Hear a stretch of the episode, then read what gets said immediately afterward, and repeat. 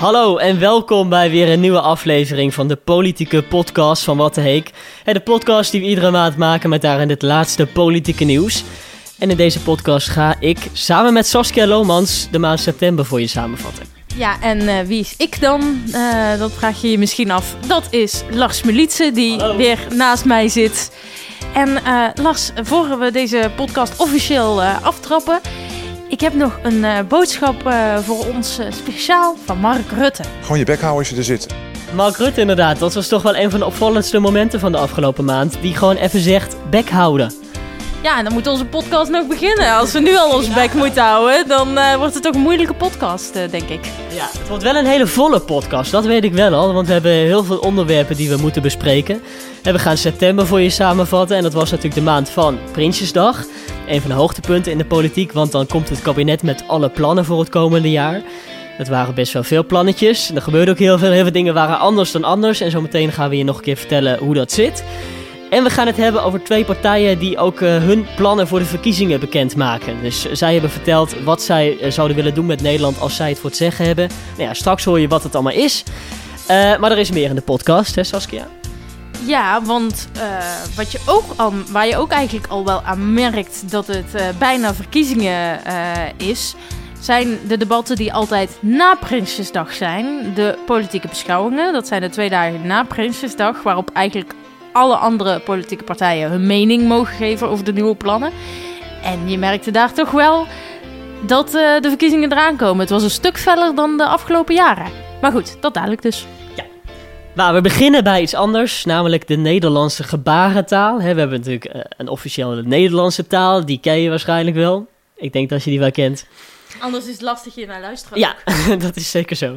Maar uh, gebarentaal, ja, dat is ook een officiële Nederlandse taal straks. Uh, want dat uh, meerderheid in de Tweede Kamer die is daarvoor. Ja, je hebt natuurlijk heel veel mensen die doof of slechthorend zijn. Die communiceren met elkaar via die gebaren. En die hebben heel lang gestreden om echt, echt erkenning te krijgen van die gebarentaal. En dat is nu ook echt gelukt. Uh, de Tweede Kamer die stemde daarvoor. En dat heeft ook allerlei consequenties. Hè? Dus als er straks een grote persconferentie is... dan is er ook altijd een gebarentolk bij die dat dan uitlegt... zodat iedereen het ook echt snapt. Net zoals je dat nu al ziet bij die coronapersconferenties. Ja, het uh, ding, want je, je vraagt je misschien af waarom is dit nou zo belangrijk? Uh, Nederlands gebarentaal is nu een echte taal. Ja, de, wat, uh, wat, en nu, zeg maar. Maar dat heeft dus vooral in de politiek gevolgen voor als er persconferenties zijn. maar ook heel veel andere dingen die de overheid naar mensen wil communiceren. Dus alle overheidsfilmpjes worden dus beschikbaar in gebarentaal. En ja, dat is best wel een grote stap als je bijvoorbeeld doof bent en het anders gewoon niet meekrijgt. Ja, er was een heel groot debat natuurlijk over, want het moest eerst even worden besproken in de Tweede Kamer. En de Kamervoorzitter die opende, debat, die opende dat debat als volgt. Ik open de vergadering. U bent van harte welkom. Ik ben blij dat u bij dit debat aanwezig bent. Dat was hem. Dank u wel. Ja, toch wel heel mooi. Uh, dus er zaten ook heel veel slechthorenden of doven op die tribune van de Tweede Kamer te kijken. Dus het was heel fijn dat zij uh, die mensen even welkom heten in gebarentaal. Dus ook echt opvallend moment dus afgelopen maand in de Tweede Kamer. En er was ook nog een hele nieuwe partij ineens waar we van hoorden afgelopen maand. Ja, de Partij voor Naaste Liefde, Vrijheid en Diversiteit, de PNVD. En dan denk je, nou, dat klinkt allemaal best sympathiek, tenminste, de naam. Maar uh, door andere mensen, met name op uh, social media, werd het toch al vrij snel de pedopartij genoemd. Uh, pedofiele partij dus. En dat heeft ermee te maken dat sommige standpunten van die nieuwe politieke partij die mee wil gaan doen aan de Tweede Kamerverkiezingen. Bijvoorbeeld heeft dat seks met kinderen niet strafbaar zou moeten zijn. En ja, daar waren toch wel heel veel mensen boos over. Er kwam ook een grote petitie die heel veel uh, ondertekend uh, werd om die partij te verbieden. Nou, dat is niet zo makkelijk in Nederland. Het maakt in principe niet uit wat voor standpunten je hebt. Eh, je, moet, je kan eigenlijk altijd wel een politieke partij eh, oprichten, want zo werkt democratie. Eh, maar de kans is wel heel klein dat de partij natuurlijk in de Tweede Kamer eh, komt. Want ja, eerst maar eens genoeg stemmen halen. Maar voor je al op de kieslijst komt, moet je best wel veel moeite doen en allemaal handtekeningen ophalen en zo. En dat is best wel moeilijk. En een partij met standpunten die pedofilie aanmoedigen, ja, dat, die kans is best wel klein dat dat dan zeg maar erdoor komt. Dus eh, geen pedopartij straks in de Tweede Kamer. Waarschijnlijk natuurlijk. Eh, ze hebben wel al twee keer geprobeerd om echt in de Tweede Kamer te komen. Hè? 2006, 2010. Niet gelukt. En eh, nu waarschijnlijk dus ook weer niet. Nou, het ging ook nog heel veel over corona natuurlijk afgelopen maand. Die cijfers die lopen weer op. Er worden weer meer mensen met corona opgenomen in het ziekenhuis. Er liggen meer mensen op de intensive care. En er overlijden ook weer meer mensen aan corona. Ehm, dus er kwamen ook weer twee grote persconferenties. Daarover straks meer. En het ging ook over de boetes die je krijgt als je dan bijvoorbeeld met heel veel mensen bij elkaar komt. Heel veel mensen vonden die boete toch wel wat hoog. En ze zaten er ook mee dat je dan een strafblad krijgt. Hè? Dus er komt een soort aante- aantekening op dat strafblad. En dat is dan weer lastig als je een baan zoekt straks. Want dan staat er dan op dat strafblad dat jij zo'n coronaboete hebt gehad. Nou ja, dat vinden mensen dan niet zo leuk. En wat blijkt nou ineens? Eh, dat die coronaboete die staat straks niet meer op je strafblad. Dus eh, goed nieuws als je al zo'n boete hebt. Alleen het opvallende aan dit hele nieuws is eigenlijk hoe dat is gekomen. Want het heeft eigenlijk alles te maken met minister Grappenhaus, denk ik dan. Ja, nee, daar heeft het zeker wel, eh, al zeggen ze vanuit de politiek natuurlijk, dat het daar helemaal niks mee te maken heeft. We hebben in augustus natuurlijk de bruiloft eh, van minister Grapperhaus eh, gehad. Misschien weet je dat nog wel. Waarop te zien was eigenlijk dat de minister die gaat over de boetes, die heel streng was tot op dat moment, zichzelf niet helemaal aan de maatregelen hield. Hij gaf mensen een hand, hij stond te dicht bij andere mensen.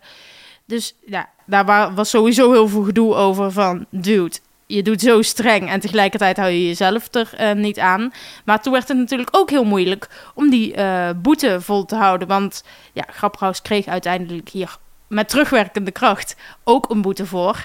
Maar het voelde toch niet helemaal eerlijk dat hij eh, ja, er een soort van makkelijker van afkwam. En hij had nou zelf ook wel zoiets van, oké, misschien is dat inderdaad toch wel een zware straf. En is het toch wel heel makkelijk om de fout in te gaan. Dus niet alleen worden alle boetes die tot nu toe eh, zijn uitgedeeld, eh, die worden zeg maar weer ingetrokken. Dus die hoef je dan niet meer te betalen. Eh, en het gaat dus van je strafblad. Dus als je nu nog een boete krijgt, dat kan nog steeds als je je niet aan de maatregelen houdt, dan komt die niet op je strafblad. En het is een heel stuk goedkoper, want het eh, kostte eerst 390 euro's. Ja, dat is nogal. En eh, nu eh 95 euro. Dus dat scheelt toch behoorlijk eh, in je monies. Ja, en je had het over minister Grappenhaus, hè? Eh, die zelf trouwens ook nu zo'n boete heeft moeten betalen laatst. Hè? Want hij had dus die bruiloft waar die mensen ook knuffelde en een hand gaf. En eh, eerst kreeg hij daar geen boete van, maar achteraf nu dus inmiddels wel. Dus ook Grappenhaus heeft zo'n coronaboete en dus ook eh, niet zo'n aantekening op het strafblad. Want dat eh, gebeurt dus nu toch niet. Ehm, tot zover corona. Straks nog meer over het eh, coronavirus. Want we komen er niet omheen. Er waren twee hele grote persconferenties. Ehm, ik heb trouwens nog wat pepernoten. Want dat hoort er toch een beetje bij, eh, toch? Alweer? Ja, natuurlijk.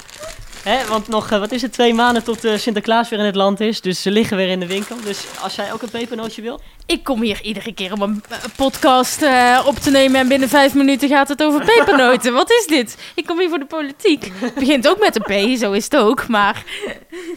Ja, het is nooit, het is altijd tijd voor pepernoten. Dat is wel waar. Ja. ja. Ondertussen eet ik even mijn mond leeg. Zullen we het over Prinsjesdag hebben? Of moeten we nog iets anders? Ja, op zich. Nee, goed punt. Laten, Ja. we, naar, laten we naar Prinsjesdag gaan. Het was dit jaar anders dan anders, want er was natuurlijk corona, dus het was niet in die grote ridderzaal eh, in het Binnenhof, maar in de grote kerk in Den Haag, dus een stuk, stukje verderop. Het betekent ook dat al die Kamerleden echt helemaal daar naartoe moesten. Dus heel veel gingen met een busje of anderen gingen lopend daarheen. En daar zat echt iedereen netjes op anderhalf meter afstand. En toen kwam daar de koning natuurlijk, zoals elk jaar. Ja, en die las echt die plannetjes voor. Dus die maakte bekend wat het kabinet komend jaar wil gaan doen. Ehm, en die koning, die kwam ook heel anders. Normaal komt hij echt met een gouden koets door Den Haag. En nu, eh, glazen koets. of een glazen koets de laatste jaren inderdaad. En nu was hij met de auto. Ja. Ach ja, andere dag dan anders. Ehm, maar wat hetzelfde bleef was eigenlijk die toespraak van de koning. En eh, de minister van Financiën die met dat koffertje kwam uh, waar, al het, ja, waar alle plannen nog een keer goed in waren uitgelegd. Um, dus een andere Prinsjesdag dan anders. Wat ook anders was, was uh, de hoera. Helemaal aan het eind van die toespraak dan zegt even iedereen hoera, hoera, hoera, leef de koning. Ja, dat kon natuurlijk niet, want dan ben je aan het schreeuwen. Dan heb je een soort spreekkoor en je mag ook bij een voetbalwedstrijd niet schreeuwen, dus ook daar niet. Maar dat hebben ze uh, creatief opgelost. Dus uh, eventjes nog één keer, dit is de hoera in 2019. Leven de koning! Hoera! Hoera! En dit is hoe het uh, dit jaar klonk. Leven de koning! Hoera! Hoera! Hoera!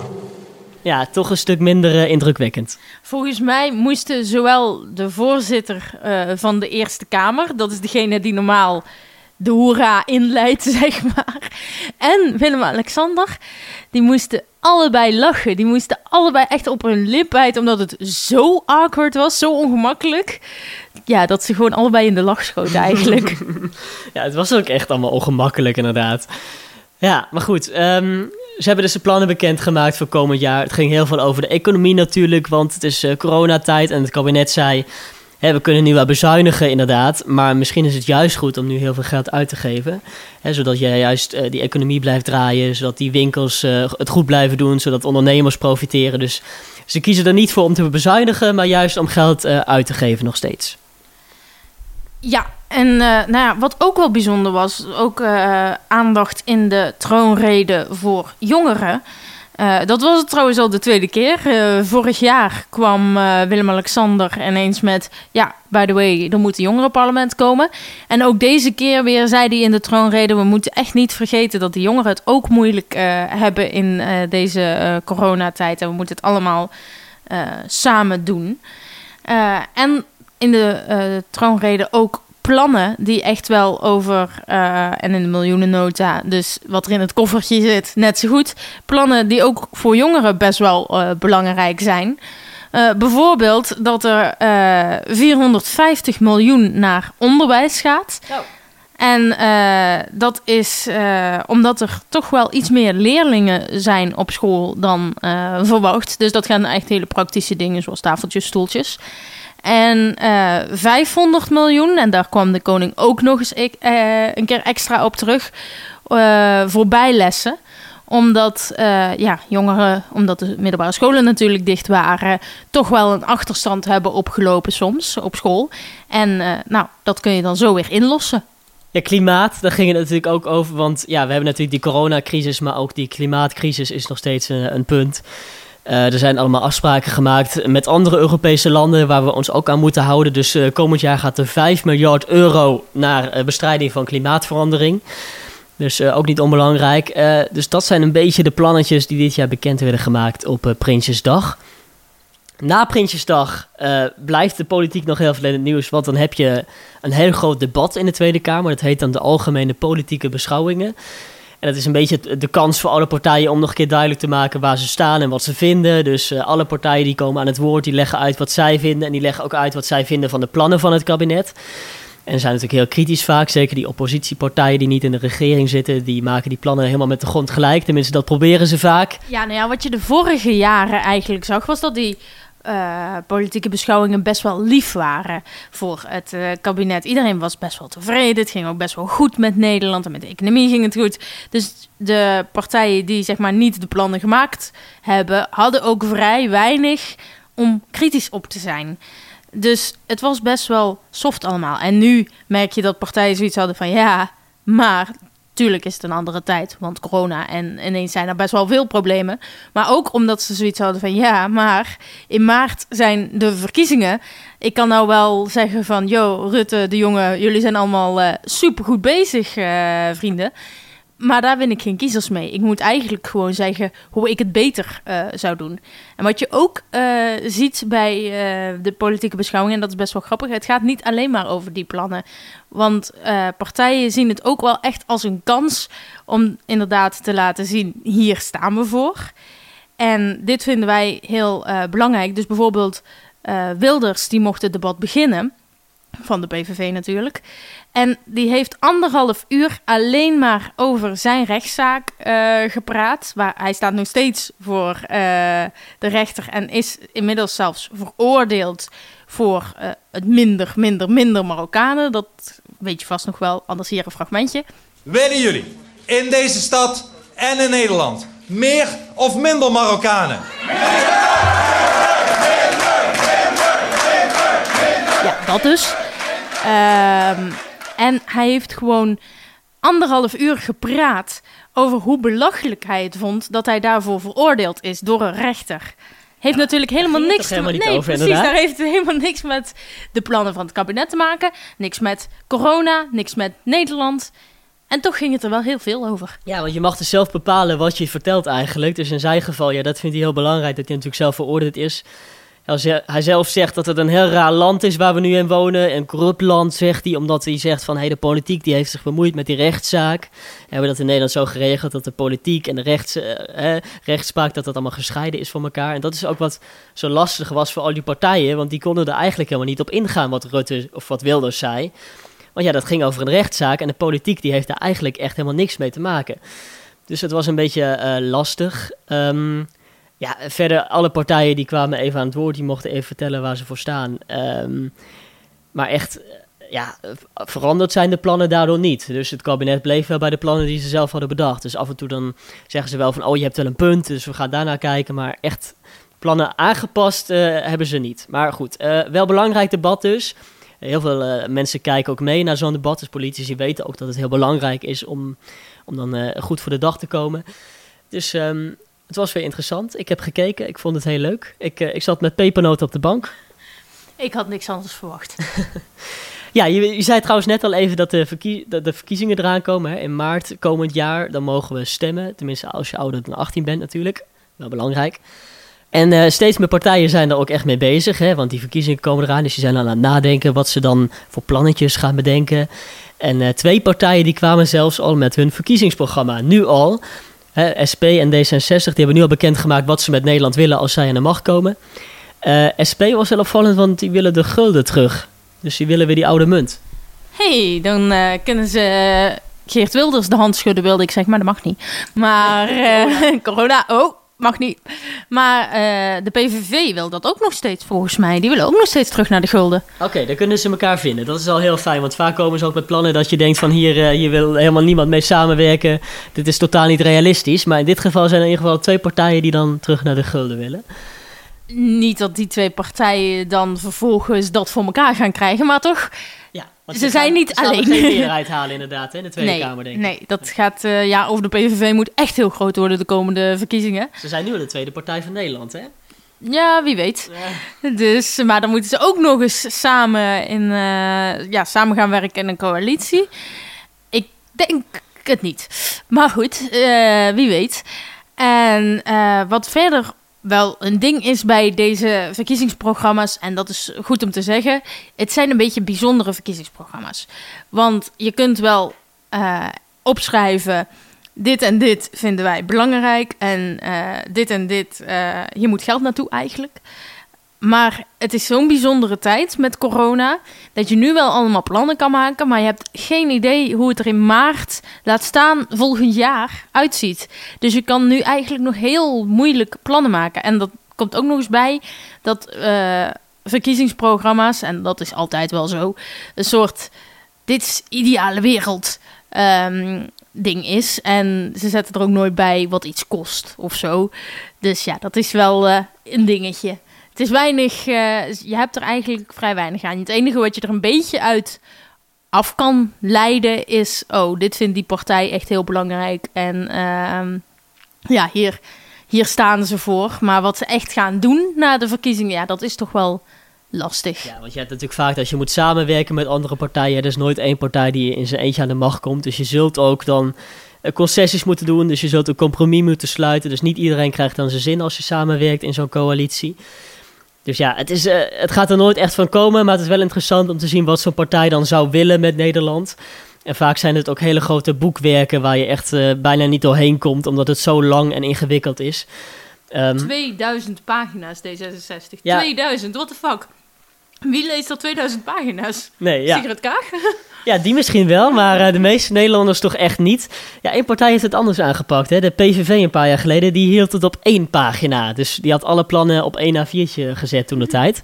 Maar de meeste verkiezingsprogramma's zijn toch wel eh, dikke boekwerken waar je bijna niet doorheen komt. En deze dus ook. En opvallend dat ze daar dus nu al mee komen. Het zijn nog vijf maanden tot de verkiezingen. Hè. Nou, langer nog mei. Eh, Nee, maart zijn de verkiezingen. Hè. Dus nog vijf maanden. Maar eh, twee partijen hebben dus nu al hun plannen bekendgemaakt. En eh, de rest eh, komt snel, want die verkiezingen komen steeds dichterbij natuurlijk. Ja, en eh, dan laten we even de politieke beschouwingen en de verkiezingen weer even achter ons.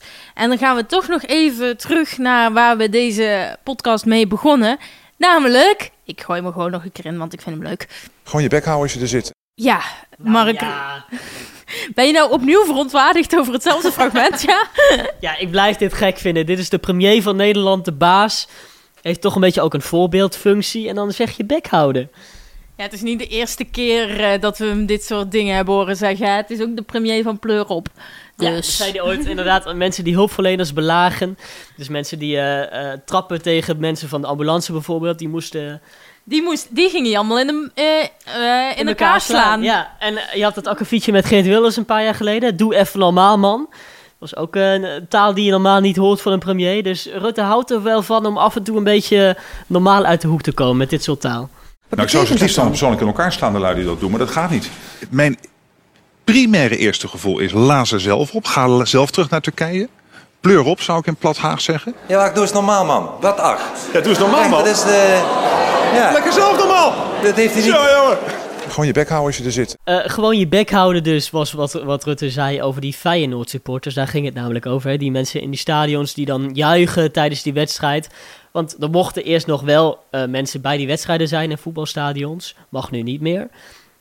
Eh, maar ja, die waren dus wel aan het schreeuwen en aan het aanmoedigen. En dat ging dus mis. En Rutte was daar best wel boos om. En dat heeft hij ook goed eh, duidelijk gemaakt. Ja, wel heel slim aan de andere kant. Want eh, weet je, er waren heel veel mensen boos. Maar aan de andere kant lukte het hem wel om heel veel aandacht te krijgen. Dus hij heeft zijn punt wel echt eh, mooi mogen maken. En het is eigenlijk best een mooi bruggetje wat je nu maakt naar de twee coronapersconferenties. Want hij was inderdaad boos op voetbalsupporters die toch op tribunes aan het juichen waren. Maar inmiddels zijn we een persconferentie met heel veel maatregelen verder. En wat was een van de maatregelen? Geen publiek meer bij voetbalwedstrijden. Dus nou ja, dat had hier natuurlijk mee te maken. En eh, nou ja, dat was natuurlijk niet de enige maatregel eh, die eh, in die persconferentie eh, aan bod kwam. De horeca bijvoorbeeld, dus kroegen, restaurants, die moeten allemaal om 9 uur moeten ze eigenlijk hun mensen al naar buiten sturen. Dus de mensen die er dan nog zitten. En om 10 uur moeten ze gewoon dicht zijn. Ja, je moet ook, eh, als je naar Amsterdam wil, of Rotterdam of Den Haag, dan moet je dat echt alleen doen als het echt, echt, echt moet. En anders moet je gewoon lekker wegblijven daar, want het zijn echt corona-brandhaarden, zoals ze dat dan noemen. Dus er zijn heel veel mensen die corona hebben daar in die gebieden. Eh, als je al werkt, dan moet je wat meer thuis werken. Dus op die manier zijn er heel veel dingen die ze hebben aangekondigd om maar te zorgen dat er minder mensen besmet raken met corona. En het eh, grootste ding is ook wel mondkapjes. Het is geen dus het hoeft niet. Maar het kabinet heeft nu toch wel gezegd: we geven je een dringend advies om in winkels en op school, eh, als je op de middelbare school zit tenminste, een mondkapje te dragen. Dat is toch ook gek? Want eerst zeiden ze lange tijd van eh, het werkt helemaal niet. En nu ineens moeten ze, moeten ze wel op die mondkapjes. Hoe zit dat dan? Ja, ze moesten natuurlijk al op in, eh, in het openbaar vervoer. En het is eigenlijk best wel gek dat Nederland hier zo lang mee gewacht heeft. Want als je gaat kijken naar alleen al andere Europese landen, maar ook eigenlijk overal op de wereld, zie je dat de regels om een mondkapje te dragen veel strenger eh, zijn. En dat heeft toch ook wel heel veel te maken met de man van het Outbreak Management Team. eh, de kabouter met de grijze baard, Jaap van Dissel, eh, van het RIVM. En hij vindt mondkapjes eigenlijk onzin en schijnveiligheid. Want hij zegt, dan gaan mensen, als ze zo'n mondkapje hebben, geen anderhalve meter afstand meer houden. En het beschermt eigenlijk helemaal niet zo goed. Dus hij heeft dat best wel lang tegengehouden van ja, werkt niet.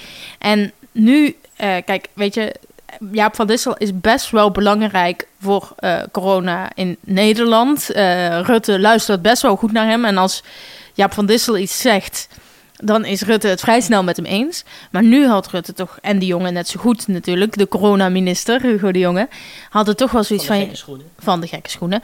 Eh, die hadden toch wel zoiets van: ja, maar als iedereen het doet in landen om ons heen en steeds meer Nederlanders gaan ons vragen. Waarom hoeft dit bij ons niet? En waarom zijn wij zo anders dan de rest van de wereld? Misschien moeten we dan toch maar eens naar de meerderheid van de wereld gaan luisteren. En toch even geen rekening houden met de mening van Jaap van Dissel. Ja, opvallend dus. Ze wilden het eerst helemaal niet, die mondkapjesplicht. Maar eh, uiteindelijk kwam er zo'n debat in de Tweede Kamer. En heel veel partijen zeiden toen van, hé, hey, laten we het wel doen. Dus eh, eigenlijk kwamen ze toen pas daarmee dat we zeiden van... hé, hey, we moeten toch die mondkapjes eh, invoeren. En het is dus geen verplichting. Dus je mag zelf weten of je het doet. Maar ze zeggen wel echt heel dringend eigenlijk van... hey, doe het nou wel. Kleine moeite en we kunnen echt voorkomen dat mensen besmet raken met corona. Eh, en dat gaat dan echt om publieke binnenruimtes, zoals het dan heet. Dus dan moet je denken aan een winkel of aan het gemeentehuis of eh, aan andere plekken. Dus als je ergens binnen bent, eh, doe dan gewoon zo'n mondkapje op, zegt het kabinet. En ja, hopelijk gaan die besmettingen dan omlaag in Nederland. Dit waren de belangrijkste onderwerpen van de afgelopen maand. Van Prinsjesdag tot de algemene politieke beschouwingen tot de verkiezingsprogramma's. We hebben de belangrijkste dingen wel besproken. En dan eh, is nu het moment daar om te kijken naar de politicus van de maand. Iedere maand wijzen wij iemand aan die er echt uitsprong. Dat kan in positieve zin zijn, maar ook in negatieve zin. Eh, en deze maand is het een beetje lastig, hè? Dit is de eerste maand dat ik echt gewoon geen flauw idee heb. gewoon oprecht niet. altijd, hè? Ja, nee, oké. maar meestal komen we uit de Mark Rutte. Maar zelfs nu heb ik gewoon geen goede reden om te zeggen Mark Rutte, want ik, heb oprecht gewoon geen idee. Terwijl dit was een maand dat politici toch best wel aanwezig waren, eh, zeg maar. Maar er is niet één waarvan ik zeg, wow, die heeft echt bizar goed gedaan. Ik vond Kamervoorzitter Ariep wel leuk. Dat ze dat met die gebarentaal deed. Dat ze dan... Hè, er waren heel veel doven en slechthorenden in de zaal. En zij heeft echt de, moe- de best gedaan om zo'n gebarentaalstukje in te studeren als Kamervoorzitter. Ik ben het helemaal eens, want we hebben Ariep volgens mij ook nog nooit als politicus van de maand gehad. Terwijl Ariep is mijn favoriete schooljuf. Ik vind haar zo fijn als Kamervoorzitter, zo leuk. Eh, hoe ze de debatten ook leidt. Ze heeft natuurlijk nu met de eh, politieke beschouwingen twee dagen echt wel van tien uur tot drie uur, eh, s ochtends tot drie uur s'nachts. Uh, dus dat zijn lange dagen, heeft dat debat geleid. We hadden deze maand ook nog dat er weer verschillende politici filmpjes wilden maken in de uh, Tweede Kamer. Vooral om te laten zien dat andere politici dan niet goed zouden doen. En die zouden ze dan weer op social media zetten. Het is een beetje cyberpesten, maar dan voor politici. En uh, daar was ook heel streng op. En ze heeft haar schoolklasje nog steeds gewoon goed in de hand. Ja, schoolklasje, dat is wel het goede woord inderdaad. Hè? Want Riep is echt zo'n juf inderdaad. Die ook heel streng is altijd als mensen een telefoon uh, bij zich hebben. Of als ze op een telefoon aan het kijken zijn tijdens debatten. Dus doet mij altijd denken inderdaad aan een schooljuf. En ze doet het gewoon heel goed en iedereen is heel tevreden met haar. Dat is ook wel eens anders geweest. Ik weet nog toen ze net werd gekozen als uh, Kamervoorzitter. Toen was vooral Gert Wilders heel kritisch. Dit is wat hij zei toen. Nu zijn we volgens mij het eerste parlement in Europa, uh, wat in West-Europa, wat een Marokkaanse voorzitter heeft. En, nogmaals, ik overdrijf niet als ik zeg dat ik dat een zwarte dag in de parlementaire geschiedenis vind. Ja, hij was vooral heel boos dat zij dan Marokkaans is. Hè. Ze heeft een Marokkaanse achtergrond, maar is voorzitter van het Nederlandse parlement. Maar ja, eigenlijk, uh, Ariep doet het echt fantastisch. En uh, daarom dus uh, terecht, denk ik, ook een keer onze politicus van de maand. Ehm, blikken wij nog even vooruit, tot slot. Want oktober is begonnen, een nieuwe maand. We gaan dat een beetje kijken wat dan een beetje in het nieuws is. Nou ja, het coronavirus blijft ons bezighouden. Komen er nieuwe maatregelen? Want die cijfers blijven oplopen. Dus het zou kunnen dat er weer nieuwe coronamaatregelen bij komen. Dus het zou kunnen dat ze weer zo'n persconferentie houden. Dat is wat ons bezig gaat houden. En verder denk ik zelf dat misschien nog meer partijen met verkiezingsprogramma's komen. Dat ze plannen bekend gaan maken. Dat ze ook be bekend maken wie de lijsttrekker is. Dus wie de nummer 1 is op de lijst waar je straks op kan stemmen. Um, ja, ik denk dat dat een beetje de belangrijkste dingen zijn komende maand. Ja, en om nog even op, want ik denk inderdaad dat we niet onder, als, tenminste als de besmettingen zo doorgaan als nu, uh, het geval is, zo hard omhoog gaan, dan ben ik benieuwd of wij, want we zitten nu weer op anderhalve meter weliswaar naast elkaar. Ik vraag me af of we weer teruggaan naar eh, mei en april, dat we via eh, Zoom een eh, podcast opnamen. Want ik heb zo'n vermoeden dat de maatregelen toch wel weer een stuk strenger eh, gaan worden. En Weer een lockdown, denk je? ik denk het. Ik hoop het niet, maar ik denk ook dat de politiek dat vooral, dat Rutte en de jongen echt denken: nee, alsjeblieft niet. Dus ik denk dat, dat, dat ze dat zo lang mogelijk gaan uitstellen. Maar als de besmettingen zeg maar doorgaan zoals nu, dan eh, wordt het heel lastig om het niet te doen. Eh, en om nog even op corona door te gaan, we krijgen waarschijnlijk een corona-app, we krijgen waarschijnlijk een corona-wet. dat zijn allemaal dingen die spelen al maanden, maar dat gaat in oktober ook echt allemaal gebeuren. We gaan het zien. Komende maand is er weer gewoon een politieke podcast. Zoals je dat van ons gewend bent eh, in jouw favoriete podcast-app. Als je deze podcast nou leuk vond, eh, like hem dan ook even. Vinden we leuk. Eh, en laat reactie achter, want we vinden het ook altijd leuk om te lezen wat jullie van deze podcast vinden. En eh, deel hem ook met je vrienden. Hè, dat is altijd leuk. Eh, en volgende maand is weer een nieuwe politieke podcast. En eh, Kamervoorzitter Riep, eh, die wil nog iets zeggen. We zijn klaar. Dank u wel.